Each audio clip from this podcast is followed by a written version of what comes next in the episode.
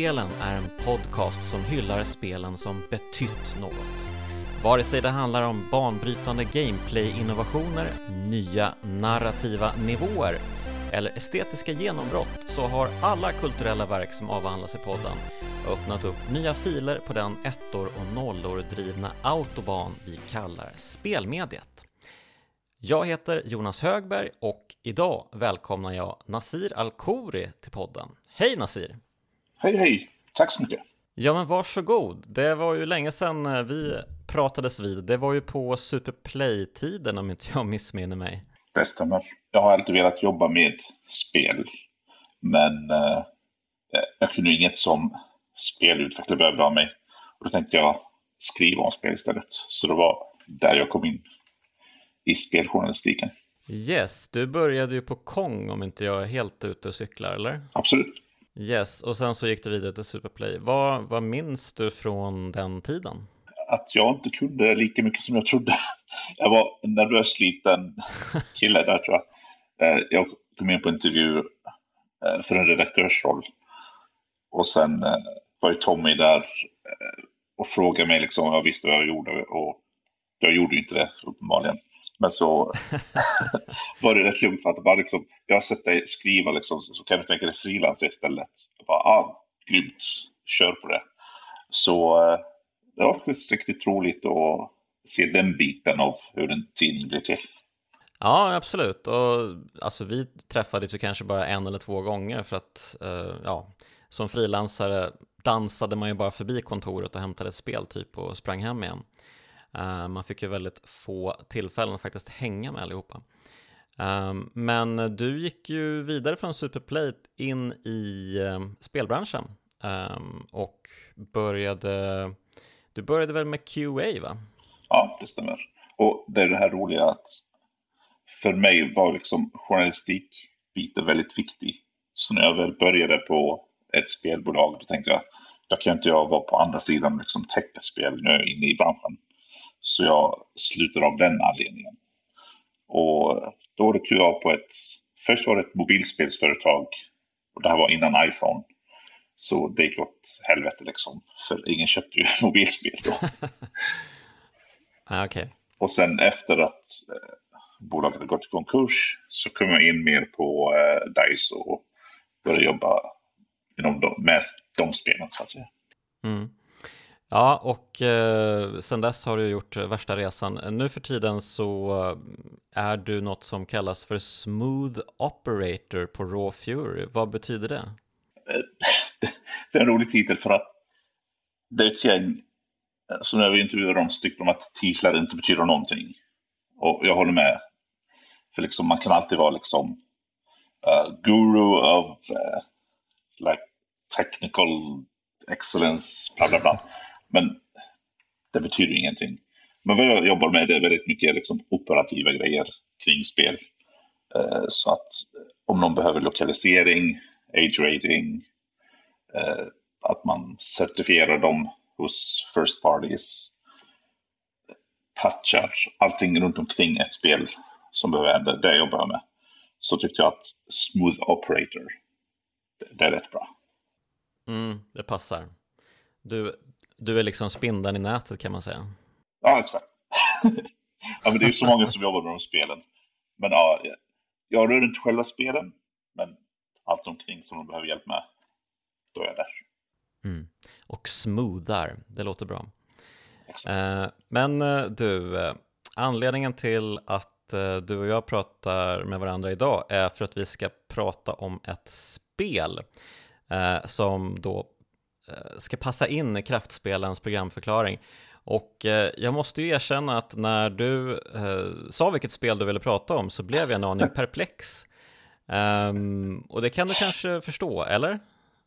Ja, det förstår jag. Ja, du vill ju prata om Snood. Precis. Relativt okänt, gammalt, gammalt spel.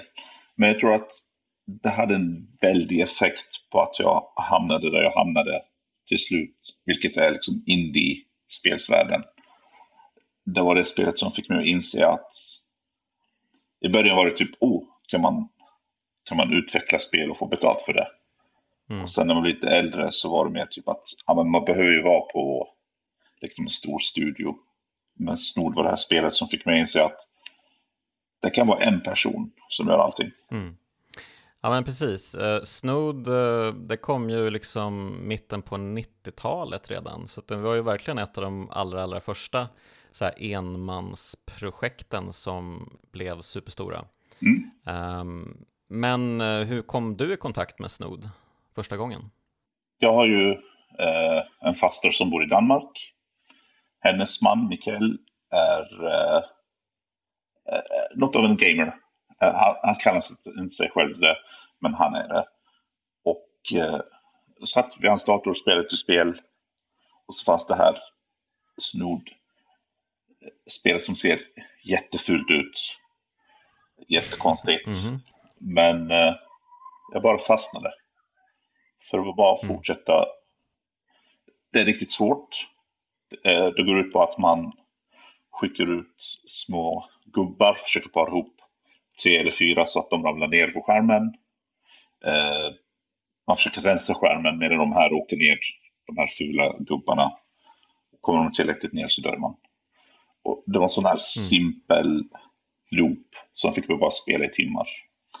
Eh, sen kom jag hem, laddade ner min egen dator, upptäckte att det var en shareware-version där man kunde spela typ 30 omgångar någonting. Sen var man tvungen att betala för den fulla versionen. Mm. Och det, det här var år 2000 kanske, 1999, 2000 och sånt. Så jag litade inte riktigt på det här med onlinebetalningar och allting. Men jag var tvungen att ha det här spelet. Jag hade bara fått det på hjärnan. Så jag gick in på deras hemsida och jag minns att man kunde betala på två olika sätt. Det ena var ju med kreditkortet. Det andra att man kunde skicka 20 dollar i ett kuvert till någon adress. Och Mm. David Dobson då han stod där och tog emot de här breven. Så jag gjorde det sistnämnda. Jag la 20 dollar i ett kuvert, skrev min mailadress, skickade det. Typ två veckor senare fick jag en kod i mailen. Och så, det var också en liksom milstolpe för mig att man kan köpa spel online. Det funkar. Mm. Så jag fick koden, det funkade, jag låste upp den fulla versionen. Ja, det är ju ganska roligt att du köper ett spel online men med en arkaisk betalmetod. Ja, precis. Jag var ju typ, jag var snart 20 år, hade inget kreditkort, och bara kan inte be föräldrarna heller. Mm. Så hur ska vi lösa det här? och så hade de den här lösningen, bara skicka ett kuvert. Ja, det är fantastiskt. Och eh, jag antar att eh, vid det här laget så kanske det inte var Dave Dobson själv som svarade, eller hur, liksom, för i början när det släpptes 96 så var det ju han som satt och skickade ut alla koder själv. Precis. Um, jag tror inte att det var han. Jag har ingen aning, jag ska vara Jag minns inte riktigt. Men, men det, det, kändes så, liksom det här med enmansoperation i ett garage. Det kändes fortfarande så då. Ja, det är jättehäftigt. Um, och eh, jag menar, han har ju inte blivit känd för något annat än Snood, ska väl sägas. Eh, och eh, om vi ska vara helt ärliga så är ju Snod eh, en typ kopia på Puzzle Bobble. Exakt. Ehm, men med lite andra mekaniker kanske. Ehm, ja, men jag tänker, Puzzle Bobble har ju en tidsgräns på sin, det här taket som sänks. Ehm, där slåss man ju mot, mot tiden. Eh, och i Snood då slåss man ju eh, mot sig själv snarare. Alltså jag tror man skjuter tio skott och då sänks taket om man inte lyckats eh, riva ner tillräckligt många snoods för då åker den här mätaren som mäter de här tio skotten ner, i, um, ner på noll igen. Um, så att det blir ju en mycket mer liksom kontemplativ och uh, mysig spelupplevelse. Det blir liksom inte så här hektiskt som, um, mm. som Puzzle Bobble verkligen kan bli. Um, så att uh, det, är, det är verkligen um, jag hade nog mer kul med Snood nu när jag spelade det än vad jag haft med Puzzle Bobble faktiskt, just på grund av den här mer lugna approachen spelet har. Um, och de har ju verkligen fått uh, megafans, um, eller Dave Dobson har ju verkligen fått ett gäng megafans. Massvis med kändisar som sagt att de älskar Snood och det har dykt upp i populärkulturen och ja, han har liksom, um, det var liksom överallt ett tag där. Eh, uh, 30 Rock hade de Snood spelade till exempel. Mm. Um, så att uh, det har ju verkligen breakat, men sen har det väl försvunnit, för jag var tvungen att leta långt tillbaka i mitt arkiv för att ens minnas Snood när du började prata om det. um, men uh, ja, coolt ändå. Um, vad, uh, ja men alltså, har du spelat Snood på sistone? Är det, inför de här samtalen så laddade jag ner det igen. Och jag blev rätt förvånad över vad det har blivit. Man mm. kan ju fortfarande liksom välja originalskinnen och se de här jättefula gubbarna. Men det här nya, alltså det är lite så att det har tappat skärmen. För man har liksom så här radical dudes som man mm. skjuter upp till någon jättedålig elektronika. Mm. Eh, jag blev lite chockad över vad det, vad det blivit.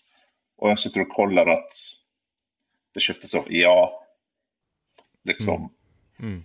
Mm väldigt konstigt och antar att hela här liksom förnyelsen har kommit av mobilversionen som finns ute.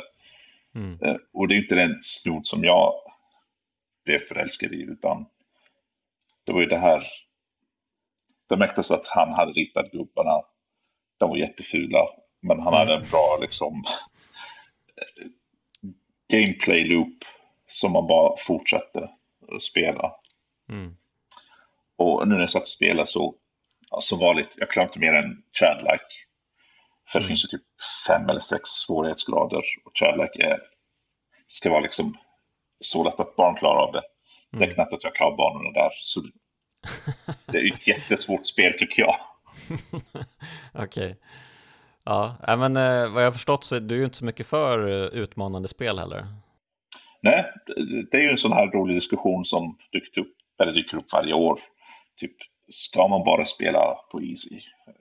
Får man ha svårighetsgrader i spel och allt det där? Mm. Eh, och för mig är det liksom, det är ett sätt för mig att delvis spara tid. För det är inte alltid man har tid. Eh, och för att kunna liksom klara spel och se allting från början till slut. Så jag föredrar att spela på easy. Mm. Men, eh, men, men det räckte inte i Snood? Nej, Shadrack då, jag tror att jag har klarat första banan nu när jag laddade ner det igen typ två gånger. Annars dör jag rätt ofta. Det, det är respekt. Respekt till Snod. ja, precis. ja. Uh, ja men, uh, ja, jag vet inte riktigt. Jag laddade ju ner uh, vad jag tror är en av de första versionerna. Man kunde ju gå in på um, Snods hemsida och så fanns det liksom en rad olika versioner att välja. Um, de släppte ju faktiskt en version till Game Boy Advance också, um, typ mm. i början på 2000-talet. Men jag tror att jag fick en av de första versionerna, eller den version som shareware-versionen tror jag inte finns längre, men det var väl den första liksom um, riktiga spelversionen som jag laddade ner. Um, och uh, ja, men det, det, var ju ganska kul ändå. Um, och det fanns ju eh, det fanns ju några olika spellägen också. Um, oklart om det fanns i shareware-versionen, men det fanns ju så här pusselläge, vilket jag inte riktigt förstod om det verkligen var ett pusselläge eller inte. Eh, man verkade bara gå igenom um, svårighetsgraderna liksom. Man klarade en bana. Ska jag vara ärlig så vet jag inte vad de olika liksom, lägena gör för att det är samma, det är samma grej. ja, precis. Varför spelar man pusselspel egentligen? Men det är väl den här liksom att man hamnar i ett, eh, ett humör, en stämning snarare än att man är så här galet eh, framstegssugen det är väl det här att man, man söker efter ett, eh, ett humörläge och då behöver man ett pusselspel helt enkelt. Alltså det är det här flowet man är ute efter, liksom att man märker inte ens att hjärnan funkar utan man bara är inne och löser pussel. Mm. Ja men precis. Um, och uh, jag menar hela den här matcha um, tre av samma färg, den har ju funnits um, hur länge som helst säkert. och Eh, har ju itererats så många gånger som helst sedan dess. Det finns ju massvis med ehm, spel som kopierat Snood, ehm, så att Snood har blivit Puzzle Bobble för många nya uh, spelutvecklare. Ehm, och så går det vidare och går vidare och vidare. Och det är, man kan ju tycka såklart att eh, det är fusk att kopiera en spelmekanik sådär. Men det ger ju också någonting nytt oftast. Precis. Det är ju ganska kul de små framsteg som ändå görs hela tiden. Men det, det, det. Jag tycker att det, liksom, det är de här verktygen spelen har, liksom de här mekanikerna. Så att, jag vet inte om det är så mycket fusk, utan det, det är ju en inspiration som man tar och så gör man sin egen twist på det. Ja, så om vi ska gå tillbaka till början för Snod. Um, jag gjorde bara lite, lite lös research som det så fint heter. Um, och det var ju precis som du sa det här att man skickade formulär med check och sådär. Um, så ehm, tog han betalt och det blev, upp, det blev jättestort i Japan till exempel uh, tidigt. Uh, han fick massa brev från japaner som berättade hur fantastiskt spelet var. Uh, så att han fick verkligen brev från alla världens alla hörn. Dave Dobbs, mannen som skapade spelet. Han berättade en fin historia om att han klippte ut eh, alla frimärken från alla brev och gav bort dem till en tjej som samlade på frimärken i stan som han kände till.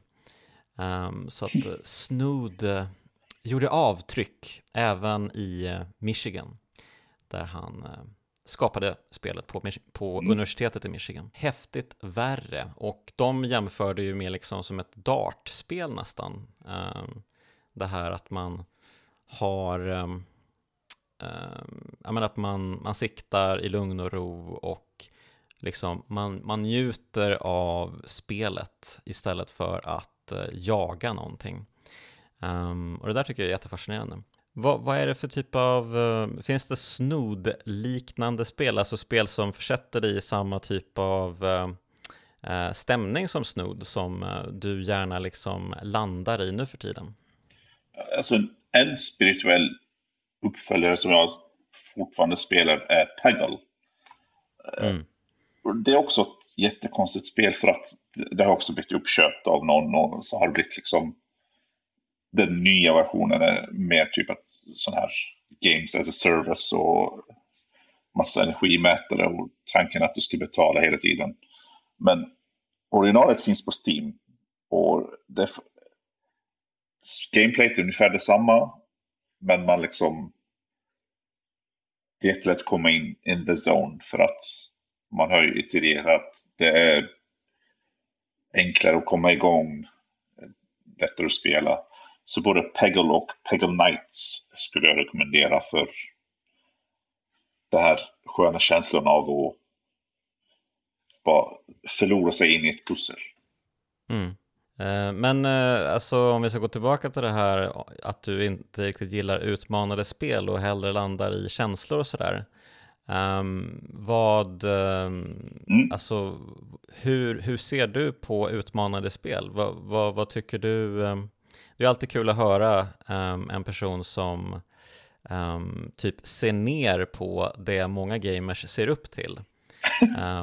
Vad, alltså om du ska försöka pinpointa det, vad, vad, är det du inte riktigt gillar med dem? Jag tror, eh, alltså Dark Souls brukar ju vara ett sånt här typiskt exempel på ett spel som alla älskar. Och Dark Souls 1 har jag klarat faktiskt. Så jag, jag, jag försöker ge de här spelen en chans. Men jag tycker att de är rätt respektlösa mot liksom, spelarens tid. Jag förstår liksom skärmen med dem på ett sätt.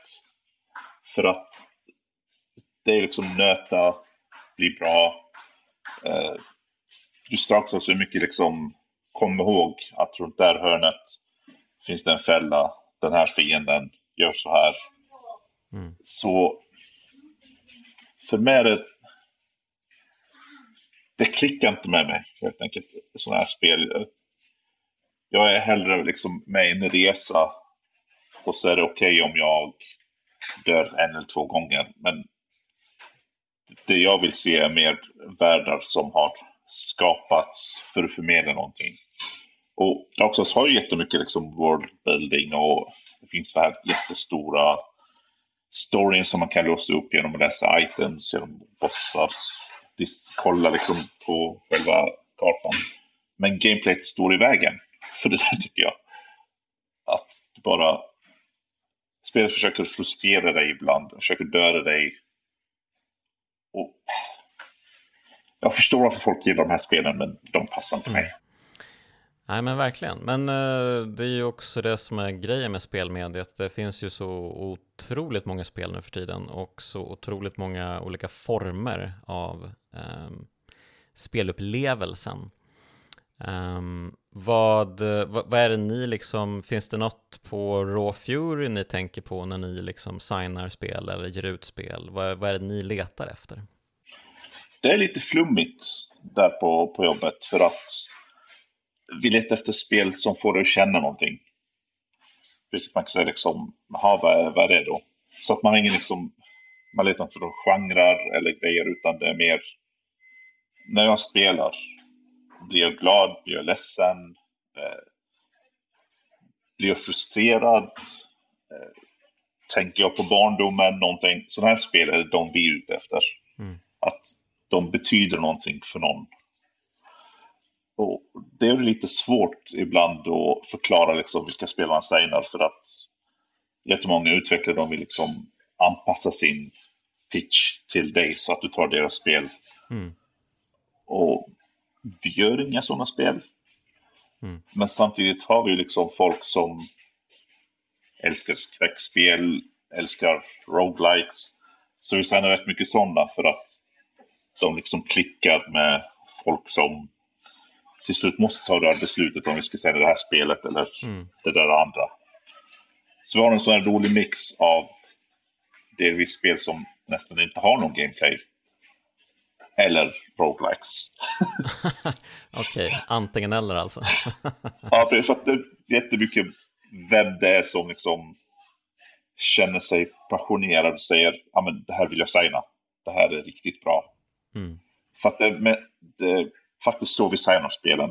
Att det finns någon som kan liksom vifta med flaggan och säga det här är skitbra, det här måste vi ta. Mm. Och då blir liksom de här extremerna nästan. Så jag är lite skyldig till de här spelen som inte har gameplay. Nej. Okej, okay, men då vet vi vem vi ska skylla på. Um, Precis. Uh, nej men, uh, alltså, men det, det, är ju intressant att du säger att det är så mycket roguelikes nu för tiden också. Um, för det har det ju verkligen blivit. Det har ju exploderat verkligen. Um, är det, är det någon, finns det någon spaning du kan göra vad som blir liksom framtidens uh, speltrend? Oh, hade jag vetat det så hade jag nog signat jättemånga spel som gjort oss rika. men, mm. men jag tror att alla väntar ju på nästa grej jag, jag, tror inte att vi, liksom, vi vet vad det är, men vi vet att det kommer en grej till. Liksom, man hade ju Minecraft, sen hade man Battle Royale och så hade man liksom roguelikes. Så alla väntar på det här. Antagligen någonting som man liksom känner igen med en twist som kommer bli jättestort. Mm. För mig tror jag att jag tror att vi kommer att se en väldigt mer liksom personliga spel. Eh, alltså inte liksom ur liksom berättande eller mekanik utan spel där någon har lagt sin själ och har någonting att säga. Det ser jag lite i liksom de här pitcharna vi får att det här betyder någonting för mig. Liksom, har du varit någonstans i ditt liv känslomässigt eller fysiskt på en plats så kommer du känna igen dig. Lite flummigt som sagt. det är det jag tror på. Ja, ja men absolut. Men, eh, men eh, det, är ju, det är ju det du berättade om Snood när du först eh, kom i kontakt med det. Du, du minns ju det tydligt, liksom. det rummet och den känslan som spelet gav dig. Så att, det, det, är ju verkligen det, den, den tog ju dig tillbaka i tiden. Men om vi ska gå tillbaka till Snood också, ehm, alltså du tyckte att spelet var liksom perfekt som det var från början. Fanns det något som liksom kunde varit bättre med det? Det har jag tänkt mycket på. jag tror inte det, för liksom sånt som frustrerar mig är också sånt som gör spelet bra. Jag hade gärna velat se liksom mm. kanske någon assistance mode där man kunde få hjälp att sikta. För ett av problemen jag har är att jag skjuter upp de här gubbarna på fel plats och så förstör man hela sin plan. Men, eh, men eh, om jag får bara bryta in snabbt, eh, det, det, det, finns ju i versionen jag laddade ner, då kunde man sätta på det i menyerna, um, aim assist. Ah, nice. Kanske var i min version, kanske i din, inte i din version, jag vet inte, men uh, det fanns i alla fall där. Um, och då blev ju spelet väldigt lätt. det är nog, eh, det fanns ju inte i originalversionen kan jag säga, för där kunde jag slita mig i håret. Det är därför jag inte har något hår längre. Så liksom det var, det var bara fruktansvärt svårt tyckte jag. Men det var lite charmen med det. Mm. Och som jag nämnde, liksom, jag spelar ju, jag ska kolla upp vilket jag har laddat ner nu. Snood Plus. Och jag tycker att de har förstört rätt mycket i det. För att det är liksom lite Hello Fellow Kids-stuk mm. på hela det här nya skinnet.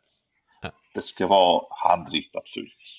Ja, det är ju det är verkligen extremt fult det här spelet. Uh, ja. I alla fall den versionen jag spelade. Uh, jag har ju sett lite på YouTube också från Game Boy Advance-versionen och där är ju liksom figurerna mer gulliga, mer liksom Nintendo-fierade, men fortfarande svinfula såklart. Uh, men uh, ja, det är ju, ursprungsversionen har ju den där charmen som uh, senare versioner kanske inte har då. Just eftersom man vet att eh, Dave Dobson själv har suttit och eh, snickrat ihop de här figurerna. Um, och det är, ju, det är ju kul också att han gjorde, alltså snodarna som, vi har ju pratat om att de, liksom, de här fula figurerna Um, han gjorde ju dem kanske också för att, uh, uh, han har i alla fall sagt det, att uh, han ville ge färgblinda ett pusselspel också. Um, för tidigare Puzzle Bobble, det hade ju bara olika färger, det var ju i princip omöjligt för en färgblind att spela. Men här fanns ju liksom ansikten på figurerna och olika former på figurerna um, som då gjorde det tydligt att det liksom var, ja, det är den här snoden jag siktar på just nu. Så bra tänkt där, Dave Dobbs. Bra tänkt. Väldigt, väldigt bra. Um, och jag vet inte om jag... Eh, jag tycker nog att Puzzle Bobble är svårare än snood, eh, vill jag väl också flika in. Um, Puzzle Bobble har ju den här liksom klistrigheten som inte riktigt finns i Snood. Det vill säga att om man skjuter upp i en sån här tunnel um, och hoppas nå upp i taket mellan en massa snoods um, så är det ju ganska lätt, uh, i alla fall med aim assist då, att uh, faktiskt nå upp i taket. Medan man i Puzzle Bobble fastnar så fort man liksom åker förbi eh, en annan figur, bara det lilla minsta, så är det bara direkt pang bom så är man fast där. Um, så att, eh, ja, det är också en liten detalj, men eh, jag tycker att det, det, är en, det är en ganska kul och bra detalj. Snyggt jobbat Dave Dobbs. Ja, det är en av mina favoriter när man kommer högst upp i taket. River typ en fjärdedel av liksom de här gubbarna. Känner sig toppen. Så smart gubbe det där. Ja, precis. Och eh, framförallt eh, ja, men, eh, härlig eh, framgångshistoria där för honom. Um, och det är väl det vi tar med oss. Eller jag kanske ska fråga dig också, um, om du skulle liksom um, försöka Alltså vad i Snood är det som gör Snood till ett kraftspel? Jag är lite svag för den här liksom viljan att göra allting själv. Och det jag verkligen känner med Snod, att det är rätt opolerat. Det märks att det här är en programmerare för, eh, först och främst som har försökt liksom rita själv, skriva musiken själv, effekterna själv. Och att man, jag ser hans hantverk när han spelar och det är ett stort intryck på mig. Eh, när, speciellt nu när vi ser liksom här nya konsolerna och TX och allt vad det heter. Att allting ska vara så smidigt och polerat. Jag tycker att det tappar väldigt mycket charm. Och snort är fullt av charm.